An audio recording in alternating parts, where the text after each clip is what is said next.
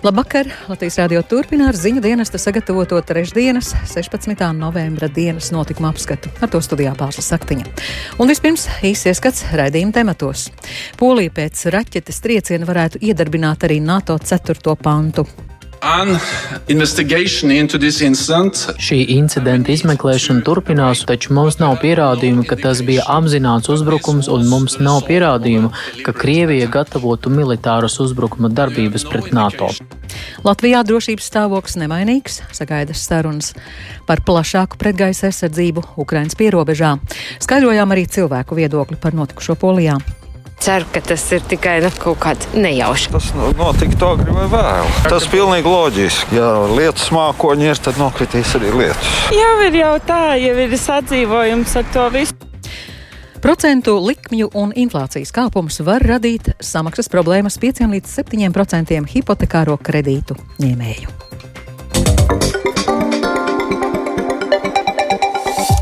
Polijā nokritusī raķete visticamāk ir izšauta no Ukrainas pretgaisa aizsardzības sistēmas, bet atbildība par šādu incidentu gulstas uz Krieviju, kas turpina savu nelikumīgo karu Ukrainā. Šādu viedokli šodien pauda Polijas un NATO vadība, kā arī vairāku alianses dalībvalstu pārstāvji, norādot, ka pagaidām vēl nav nepieciešams iedarbināt kādu no NATO pantiem.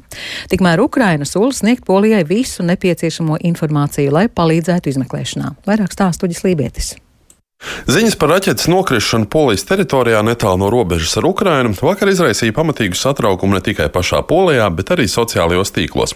Daudziem lietotājiem uzdodot jautājumus, vai šis nav bijis uzbrukums vienai no NATO dalību valstīm, kas varētu novest pie alianses 5. panta iedarbināšanas. Daži no komentētājiem norādīja, ja arī pēc šāda incidenta Ziemeļatlantijas alianses reakcija būs kūtra un neizlēmīga, aliansi var uzskatīt par norakstāmu. Taču jau visai drīz gan politisko aprindu pārstāvi, gan arī citi komentētāji aicināja nepārsteigties ar secinājumiem. Šodien arī Polijas vadība paziņoja, ka, lai arī Ukraina vakar tika pakļauta masveidīgam raķešu triecienam, pagaidām nav pierādījumu par to, ka konkrēto raķeti būtu izšāvusi Krievija. Uz to norādīja Polijas prezidents Andrzejs Duda. Nic, absolutnie nic nie wskazuje na to, że był to intencjonalny atak na Polskę. Nekas, absolūti nekas neliecina, ka tas bija apzināts uzbrukums Polijai. Tas, ka raķete nokrita mūsu teritorijā, nebija apzināta rīcība. Tā nebija pret Poliju mērķēta raķete, un tāpēc tas nav uzbrukums Polijai. Galvenais jautājums, kas tā bija par raķeti? Visticamāk, tā ir Krievijā 70. gados ražota S-300 raķete. Otrs galvenais jautājums, kurš ir atbildīgs par šīs raķetes palaišanu.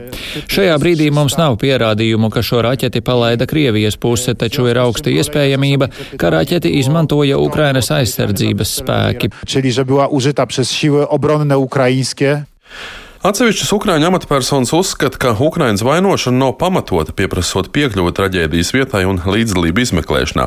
Arī Ukraiņas gaisa spēki ir pauduši gatavību sniegt visus nepieciešamos materiālus un nosūtīt savus speciālistus, lai veicinātu traģēdijas izmeklēšanu. Gaisa spēku pārstāvis Jurijs Ignats norādījis, ka arī iepriekš ir bijuši līdzīgi gadījumi, kad Krievijas raidīts raķetes ir lidojušas pār Moldovu, Ukraiņas pretgaisa aizsardzības sistēmas tās notriec un atlūzas nokrita Moldovā. Kā ir paziņojis polijas premjerministrs Mateušs Moravieckis, līdz šim iegūtie pierādījumi liecina, ka pašlaik var nebūt nepieciešamības iedarbināt arī NATO 4. pantu, proti konsultācijas ar citām alianses dalībvalstīm. Vienlaiks Moravieckis norādījis, ka polijas rīcībā šis instruments joprojām ir. Tikmēr NATO ģenerālsekretārs Jens Stoltenbergs uzsvēris, ka, lai arī izmeklēšana turpinās, galvenais vaininieks tomēr ir skaidrs. Šī incidenta izmeklēšana turpinās, un mums ir jāsagaida tās iznākums. Taču mums nav pierādījumu, ka tas bija apzināts uzbrukums, un mums nav pierādījumu, ka Krievija gatavotu militāras uzbrukuma darbības pret NATO. Mūsu sākotnējā analīze rāda, ka incidentu visticamāk izraisīja Ukrainas gaisa aizsardzības raķete, kas tika raidīta, lai aizsargātu Ukrainas teritoriju no Krievijas spārnotajām raķetēm. Taču es gribu skaidri pateikt, šī nav Ukrainas vaina. Atbildība ir jāuzņemas Krievijai, kas turpina savu nelikumīgo karu pret Ukrainu. Russia must stop this senseless war. Arī ASV aizsardzības ministrs Lloyds Ostins ir izteicies, ka vainojumi notikušajā ir Krievija, kas apšauda Ukrainas civilo infrastruktūru. Ostins solījis sniegt Polijai nepieciešamo atbalstu notikušā izmeklēšanai. Viņš ir atgādinājis, ka amerikāņu gaisa aizsardzības sistēmas Nasams jau darbojas Ukrainā, un to pārtverto raķešu procents, ieskaitot vakardienu, ir 100%. Vācijas valdības oficiālais pārstāvis savukārt paziņoja, ka pēc šī incidenta NATO negatavojas slēgt gaisa telpu virs Ukrainas, jo tas novestu alianses alianses tiešā konfrontācijā ar Krieviju. Vienlaikus Berlīne jau ir solījusi Varšavai piešķirt pretgaisa aizsardzības sistēmas savu austrumu un ziemeļu robežu aizsardzībai. Savukārt Itālijas jaunā premjerministre Džordžija Meloni ir uzsvērusi, ka ir bijusi tā krievu raķete vai nav bijusi, tas neko daudz nemainīs, jo sabiedrotie Maskavas izdarītos triecienus jebkurā gadījumā ir nosodījuši. Noslēgumā man jāpiebilst, ka komentējot notikušo, Krievijas ārlietu ministrija ir izplatījusi oficiālu paziņojumu, kurā kārtējo reizi ir apsūdzējusi rietumvalstu politiķus nepamatotas antikrieviskas retorikas izplatīšanā. Uģis Lībijams, Latvijas radio. Un pēc incidenta Polijā Latvijā drošības stāvoklis nemainīgs, bet sagaida sarunas par plašāku pretgaisa aizsardzību Ukrainas pierobežā un vairāk Jāņa Kīņš sagatavotajā ierakstā. Dienas pirmajā pusē valdības ārkārtas sēdē secināts, ka incidents Polijā Pševodovas ciemā neliecina par drošības apdraudējumu Baltijas reģionā. Premjeras Krišjāns Kariņš no jaunās vienotības pauda Latvijas puses gatavību sniegt palīdzību Polijai, ja tāda tiktu lūgta. Visi mūsu dienas, kā arī mūsu valdība, ir gatavi jebkurā brīdī, ja mums būtu jāpieņem kāds lēmums, mēs to varam un mēs to arī darītu. Un, protams, es esmu to izteicis Polijas premjeram. Mēs publiski esam izteikuši, ka mūsu valdība ir gatava atbalstīt Poliju jebkurā veidā, kā viņi to prasītu. Bet šobrīd ir izmeklēšanas stadija un drošības situācija Latvijā ir nemainīga. Šajās dienās Briselē atrodas aizsardzības ministrs Artis Pabriks no attīstībai par, kura vēstījumu otrdien mikroblogošanas vietnē Twitter pēc raķetes piezemēšanās Polijā izpelnījušies plašu publicitāti. Tajos bija norādes uz Krievijas raidītām raķetēm. Tomēr secinājums, ka raķete bijusi no Ukrainas pretgaisa aizsardzības sistēmas, nemaina lietas būtību, uzsver Pabriks. Tātad indikācijas norāda uz to, ka šī raķete, kas ir trāpījusi Polijas teritorijā, varētu būt Ukrainas pretgaisa aizsardzības raķete. Bet, protams, ka tas nekādā veidā nemazina Krievijas atbildību ne par šiem upuriem, ne par visiem pārējiem nodarījumiem, jo, ja nebūtu šī necivilizētā Krievijas pastāvīgā uzbrukuma Ukrainai, tad arī mēs nerunātu ne par šo raķeti, ne par arī šiem upuriem. Ņemot vērā to, ka Polijā nokritusī raķete raidīt no Ukrainas pretgaisa aizsardzības sistēmas, nav pamata dalību valstīm lemt par NATO dibināšanas līguma pantu iedarbināšanu valstu papildus aizsardzības pasākumiem, norāda ministrs. Bet joprojām paliek e, aktuāls jautājums par labāku pretgaisa aizsardzību, jo mēs redzam, ka Krievija bombardē Ukraiņas teritoriju ļoti tuvu NATO dalību valstu robežai. Viens no veidiem, kā to nepieļaut nākotnē, ir, protams, pretgaisa aizsardzības sistēmas pastiprināšana visā šajā pierobežas joslā, Ziemeļaustrum Eiropā, un mums vēlreiz ir jāspriež par to, kā mēs varam ne tikai palīdzēt kopumā Ukrainai aizstāvēties šajā karā, bet arī pastiprināt eh, viņu pretgaisa aizsardzības sistēmas visā teritorijā. Notikumu Ukrainā un Polijā apspriest arī NATO valstu vēstnieku sanāksmē. Aizējošās valdības aizsardzības ministrs Arts Pabriks pauž cerību, ka līdzīgu viedokli aktīvi paudīs arī citu reģionu valstu pārstāvji. Jānis Kincis, Latvijas radio. Rīgas ielās uzrunātie cilvēki uz raķetes nokrišanu Polijā reaģēja dažādi. Izskan viedoklis, ka jābūt stingrai Polijas un NATO reakcijai, taču ir cilvēki, kas atzīst, ka pastāvīgā baiļu sajūta un kara tūms notrulina emocijas. Nu, es ļoti ceru, ka tas ir tikai nu, kaut kāds nejaušs. Es ļoti tā ceru. Es gribu būt naiva un tam ticēt. Tādas pārdomas radīja šādu nu, kā robežas pārkāpšanu. Laikam jau vakar nē. Man liekas, ka jau es jau sāku pārāk nepierast. Tas, tas lielākais satraukums bija, kad sākās karš. Tas ir nu, mazinājies. Nu, neteikt, ka mazinājies, vienkārši kaut kā pierod. Nē, nav ne bažas, ne bailes, bet jāsaprot, ka tas notika agri vai vēl. Tas pilnīgi loģiski. Ja lietas mākoņi ir, tad nokritīs arī lietas. Bet attiecībā uz Latviju tās bažas jums arī ir vai tomēr mēs neesam tiešos kaimiņos? Nu, protams, ka jārēķinās ar tādu iespēju. Būt muļķīgi, nebūt piesardzīgam. Es jau esmu gatavs. Iesaku citiem arī.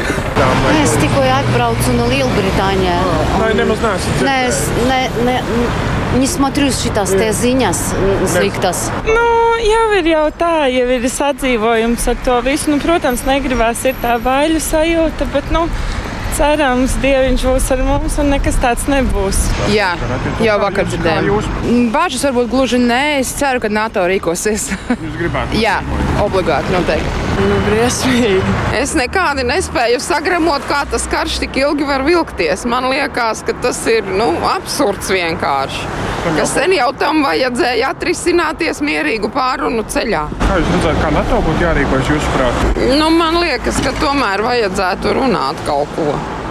Es domāju, ka nu, jebkurš saprātīgs cilvēks saprot, ka nu, nevar šitā uzvesties tā, kā Putins šobrīd dara. Ir kaut kas jārisina, un ja viņš neiziet uz tām pārunām, nu, tad ir jādomā tālāk, kā to risināt. Ar cilvēkiem Rīgas ielā aprunājās Kristaps Feldmanis. Sarunas par kopīgu G20 samita deklarāciju bija ārkārtīgi sarežģītas, taču līderu vienošanās ir vērtējama atzinīgi. Tā saka samita uzņemošās valsts Indonēzijas prezidents Džoko Vidodo. Samitā dominēja jautājums par Krievijas izvērsto karu Ukrainā un kopīgajā G20 līderu paziņojumā valstu vadītāji nosoda Krievijas agresiju pret Ukrainu. Lai arī domstarpības bija, paziņojumu pieņēma visas valstis, tā skaitā Krievija. To apstiprināja vairāk dalībnieki. Turpina Rihards Plūme. Paziņojumā norādīts, ka vairums G20 valstu stingri nosoda karu Ukrainā, lai gan Krievija sākotnēji pretojās šāda teikuma iekļaušanai kopīgajā paziņojumā. Paziņojumā norādīts, ka ir arī citi viedokļi un atspoguļota Krievijas nostāja. Tajā Krievijas uzbrukums Ukrainai saukts par karu, nevis īpašo militāro operāciju, kā to spītīgi dēvē Maskava. G20 līderu paziņojumā teikts, ka ir jāievēro starptautiskās tiesības un kodolieroču izmantošanas draudi ir nepieņemami. Kā norādīja Indonēzijas prezidents, sarunas par karu un Krievijas nosodīšanu ilgušas līdz pusnaktī, un visbeidzot Balī deklarācija tika pabeigta vienprātīgi. Politiķi vienojušies, ka karš atstāja ietekmi uz globālo ekonomiku, bet tā nepastāvēs bez miera, tāpēc karš ir jāpārtrauc, sacīja prezidents. Procentu likmju kāpums un aizvien pieaugoša inflācija var radīt samaksas problēmas 5 līdz 7% hipotekāro kredītu ņēmēju, tā lēš Komercbanku eksperti. No vienas puses Komercbanku pārstāvi prognozē grūtu ziemu, bet no otras puses ir optimistiski sakot, ka kredītņēmēji to pārdzīvos, jo Latvijas sabiedrība ir finansiāli spēcīga un gatava grūtībām. Plašāk Linda Zalāns ierakstā. Aizvien pieaugošā inflācija un centrālo banku īstenotais procentu likmju kāpums daļai kredītņēmēju radīs hipotekārā kredīta atmaksas problēmas. Finanšu nozares asociācijas kreditēšanas komitejas līdzpriekšsarētājs Seb bankas valdes loceklis Kārlis Danevičs lēš, ka samaksas problēmas šoziem pie sliktākā scenārija varētu būt 5 līdz 7% kredītņēmēju. Tā problēmas zona varētu būt cilvēki, kas ir aizņēmušies pēdējo divu gadu laikā aizņēmušies pa maksimumu, un kam nav bijusi vēl tā privilēģija, ka tev nu, algas vai ienākumu pieaugums uh, ir izbalansējis to ļoti augsto inflāciju, kas ir šobrīd, un procentu uh, likuma pieaugumu. Ja kāds ir aizņēmies nu, 3, 4, 5, 6 un vairāk gadus atpakaļ, nu, ir ļoti grūti saskatīt, ka tad varētu būt kaut kādas nu, problēmas vai pat nepieciešamība vērsties pie bankas ar lūgumu pārskatīt maksājumu grafiku.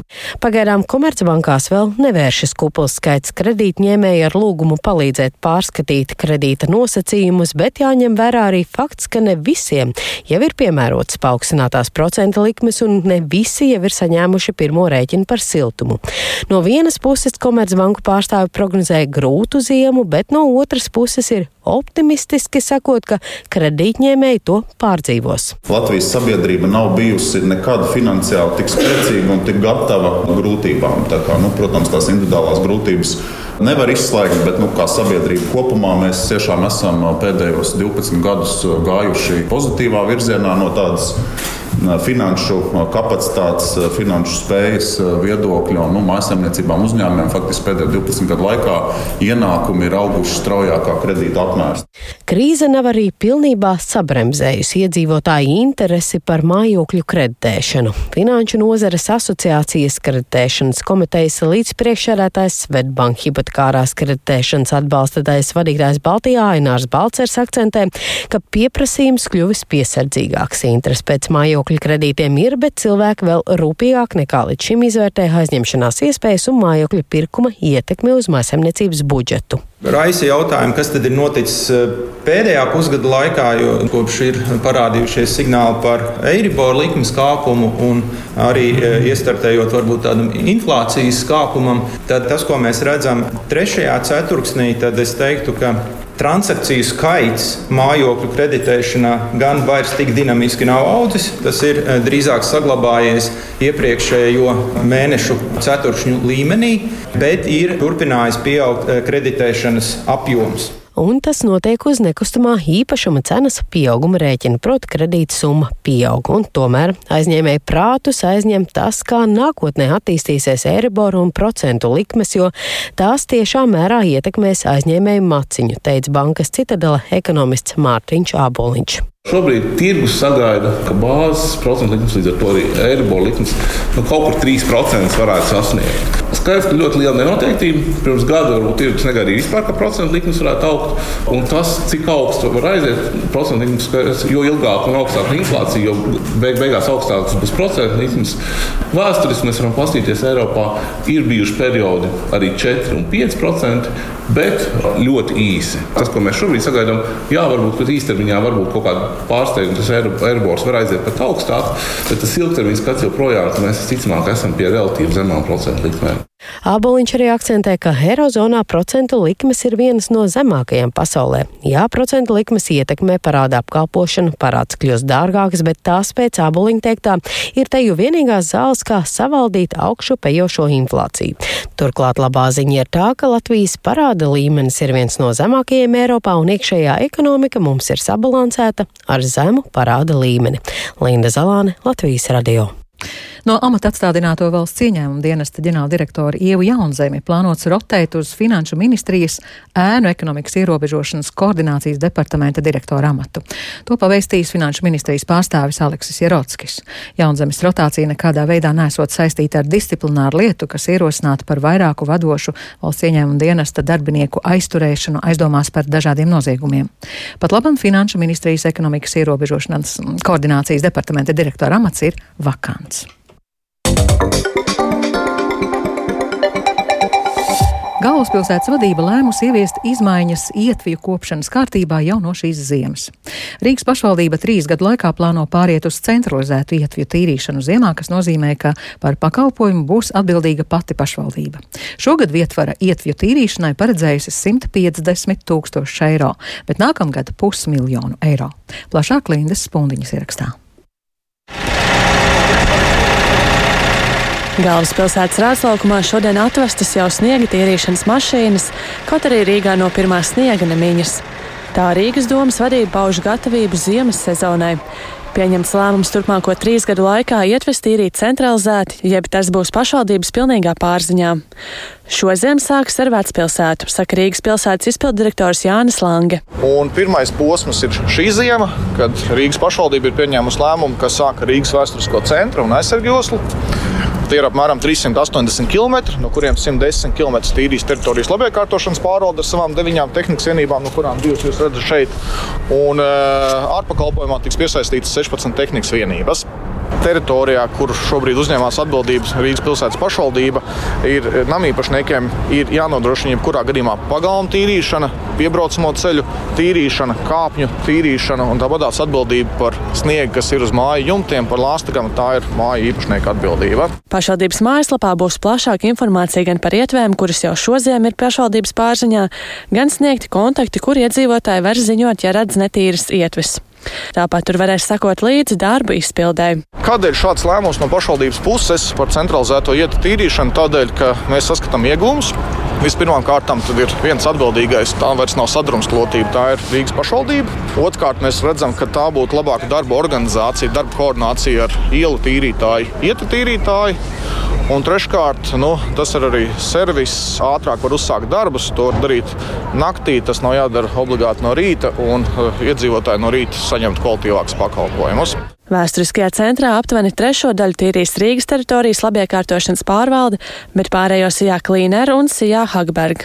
Savukārt runājot par sāls kaisīšanu, to varēs darīt tikai atkalas laikā. Intensīvas sniegšanas laikā ir jānodrošina primāri caurbraukšanas spējas šajās maģistrālajās ielās.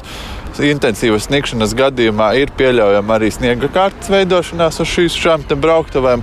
Tajā brīdī, kad uh, sniegs ir uh, pārstājis krist, tad attiecīgi uzturētājiem divu stundu laikā ir jānovērš šajās maģistrālajās ielās, četru stundu otrās kategorijas ielās sniega kārta. Savukārt trešās kategorijas ielās ir arī pēc tīrīšanas pieļaujama sniega kārtas veidošanās. Līdz ar to nu, šeit, tāpat kā iepriekšējā gadā, nekaisīsim ar sāli, bet nodrošināsim šo caurbraukšanas spēju. Tā Rīgas ceļu tīrīšana skaidro satiksmes departamenta direktora pienākumu izpildītājs Jānis Vaivots. Ceļu uzturētāji norāda, ka kaujas gatavībā ir 67 transporta vienības. Līna Spundiņa, Latvijas radio. Ziemas sezonas sākšanās neietekmēs uzsāktos būvdarbu projektus galvaspilsētā norāda Rīgas dome. Neviens būvnieks nav izsludinājis tehnisko pārtraukumu, taču, ja paņems pauzi, iespējams tas varētu būt objektos, kur darbi tuvojas noslēgumam, piemēram, velo ceļš Imanta Daugaugrīva. Savukārt austrumu maģistrālis un brasas tilta būvniecības darbus var turpināt arī salā. Vēl viens no projektiem, kas nav iekļāvies paredzētajā laikā, ir ģetrūdas ielas remonts. Tur darbiem vajadzētu noslēgties jau oktobra beigās, taču kopš novembra būvnieki maksā līgumsodu 0,1% no līguma summas par katru nokavēto dienu, un tie ir vairāk nekā 1300 eiro dienā.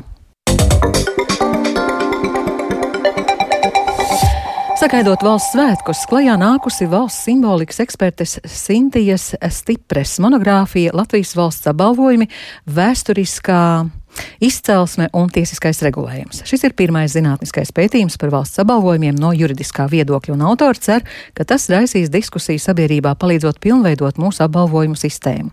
Kā uzsver autore, ordenis nav tikai skaists dekors, tas ir simbols ar ļoti spēcīgu vēstījumu, kas atspoguļo tautas vērtību skalu.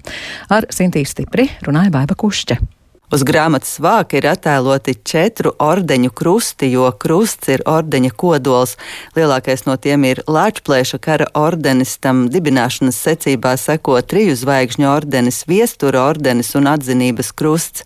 Sintijai Stiprei arī kā zinātniecei bijis liels atklājums par valsts apbalvojumu krusta zīmes izcēlesmi. Ordeņu krusts vēsturiski ir attīstījies no mūku bruņinieku ordeņiem. Ļoti, ļoti sen pagātnē, 10. un 11. gadsimts, kad mūku bruņinieku ordeņiem bija savi īpaši ordeņu tērpi, lai viņus varētu atpazīt. Un, attiecīgi, arī katram ordenim tika lietots uz ordeņa apmetņa savs atpazīšanas krusts. Nu, tas ir ne tikai bruņinieku dzīves pamatā, uz šīm kristīgajām vērtībām balstās arī visa Eiropas Savienība.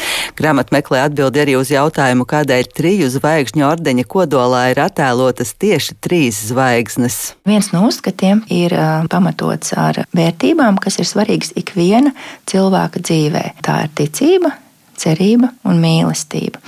Jau 15 gadus pētot valsts simbolus, kas līdzās ordeņiem ir arī karoks, ģerbonis un himna, pētniecei ar vienu nostiprinās atziņa, ka tie ir simboli ar ļoti spēcīgu vēstījumu, kas atspoguļo mūsu tautas vērtību skalu un joprojām ir mūsu spēka avots. Arī Latvijas valsts ģerbonī mums ir attēloti divi gaismas simboli. Un ar šo mēs esam unikāla valsts pasaulē, jo lielākoties valsts ģerboņos tiek attēloti karavīri, zobeni, austoša saule, bet mums zvaigznes un ir saule.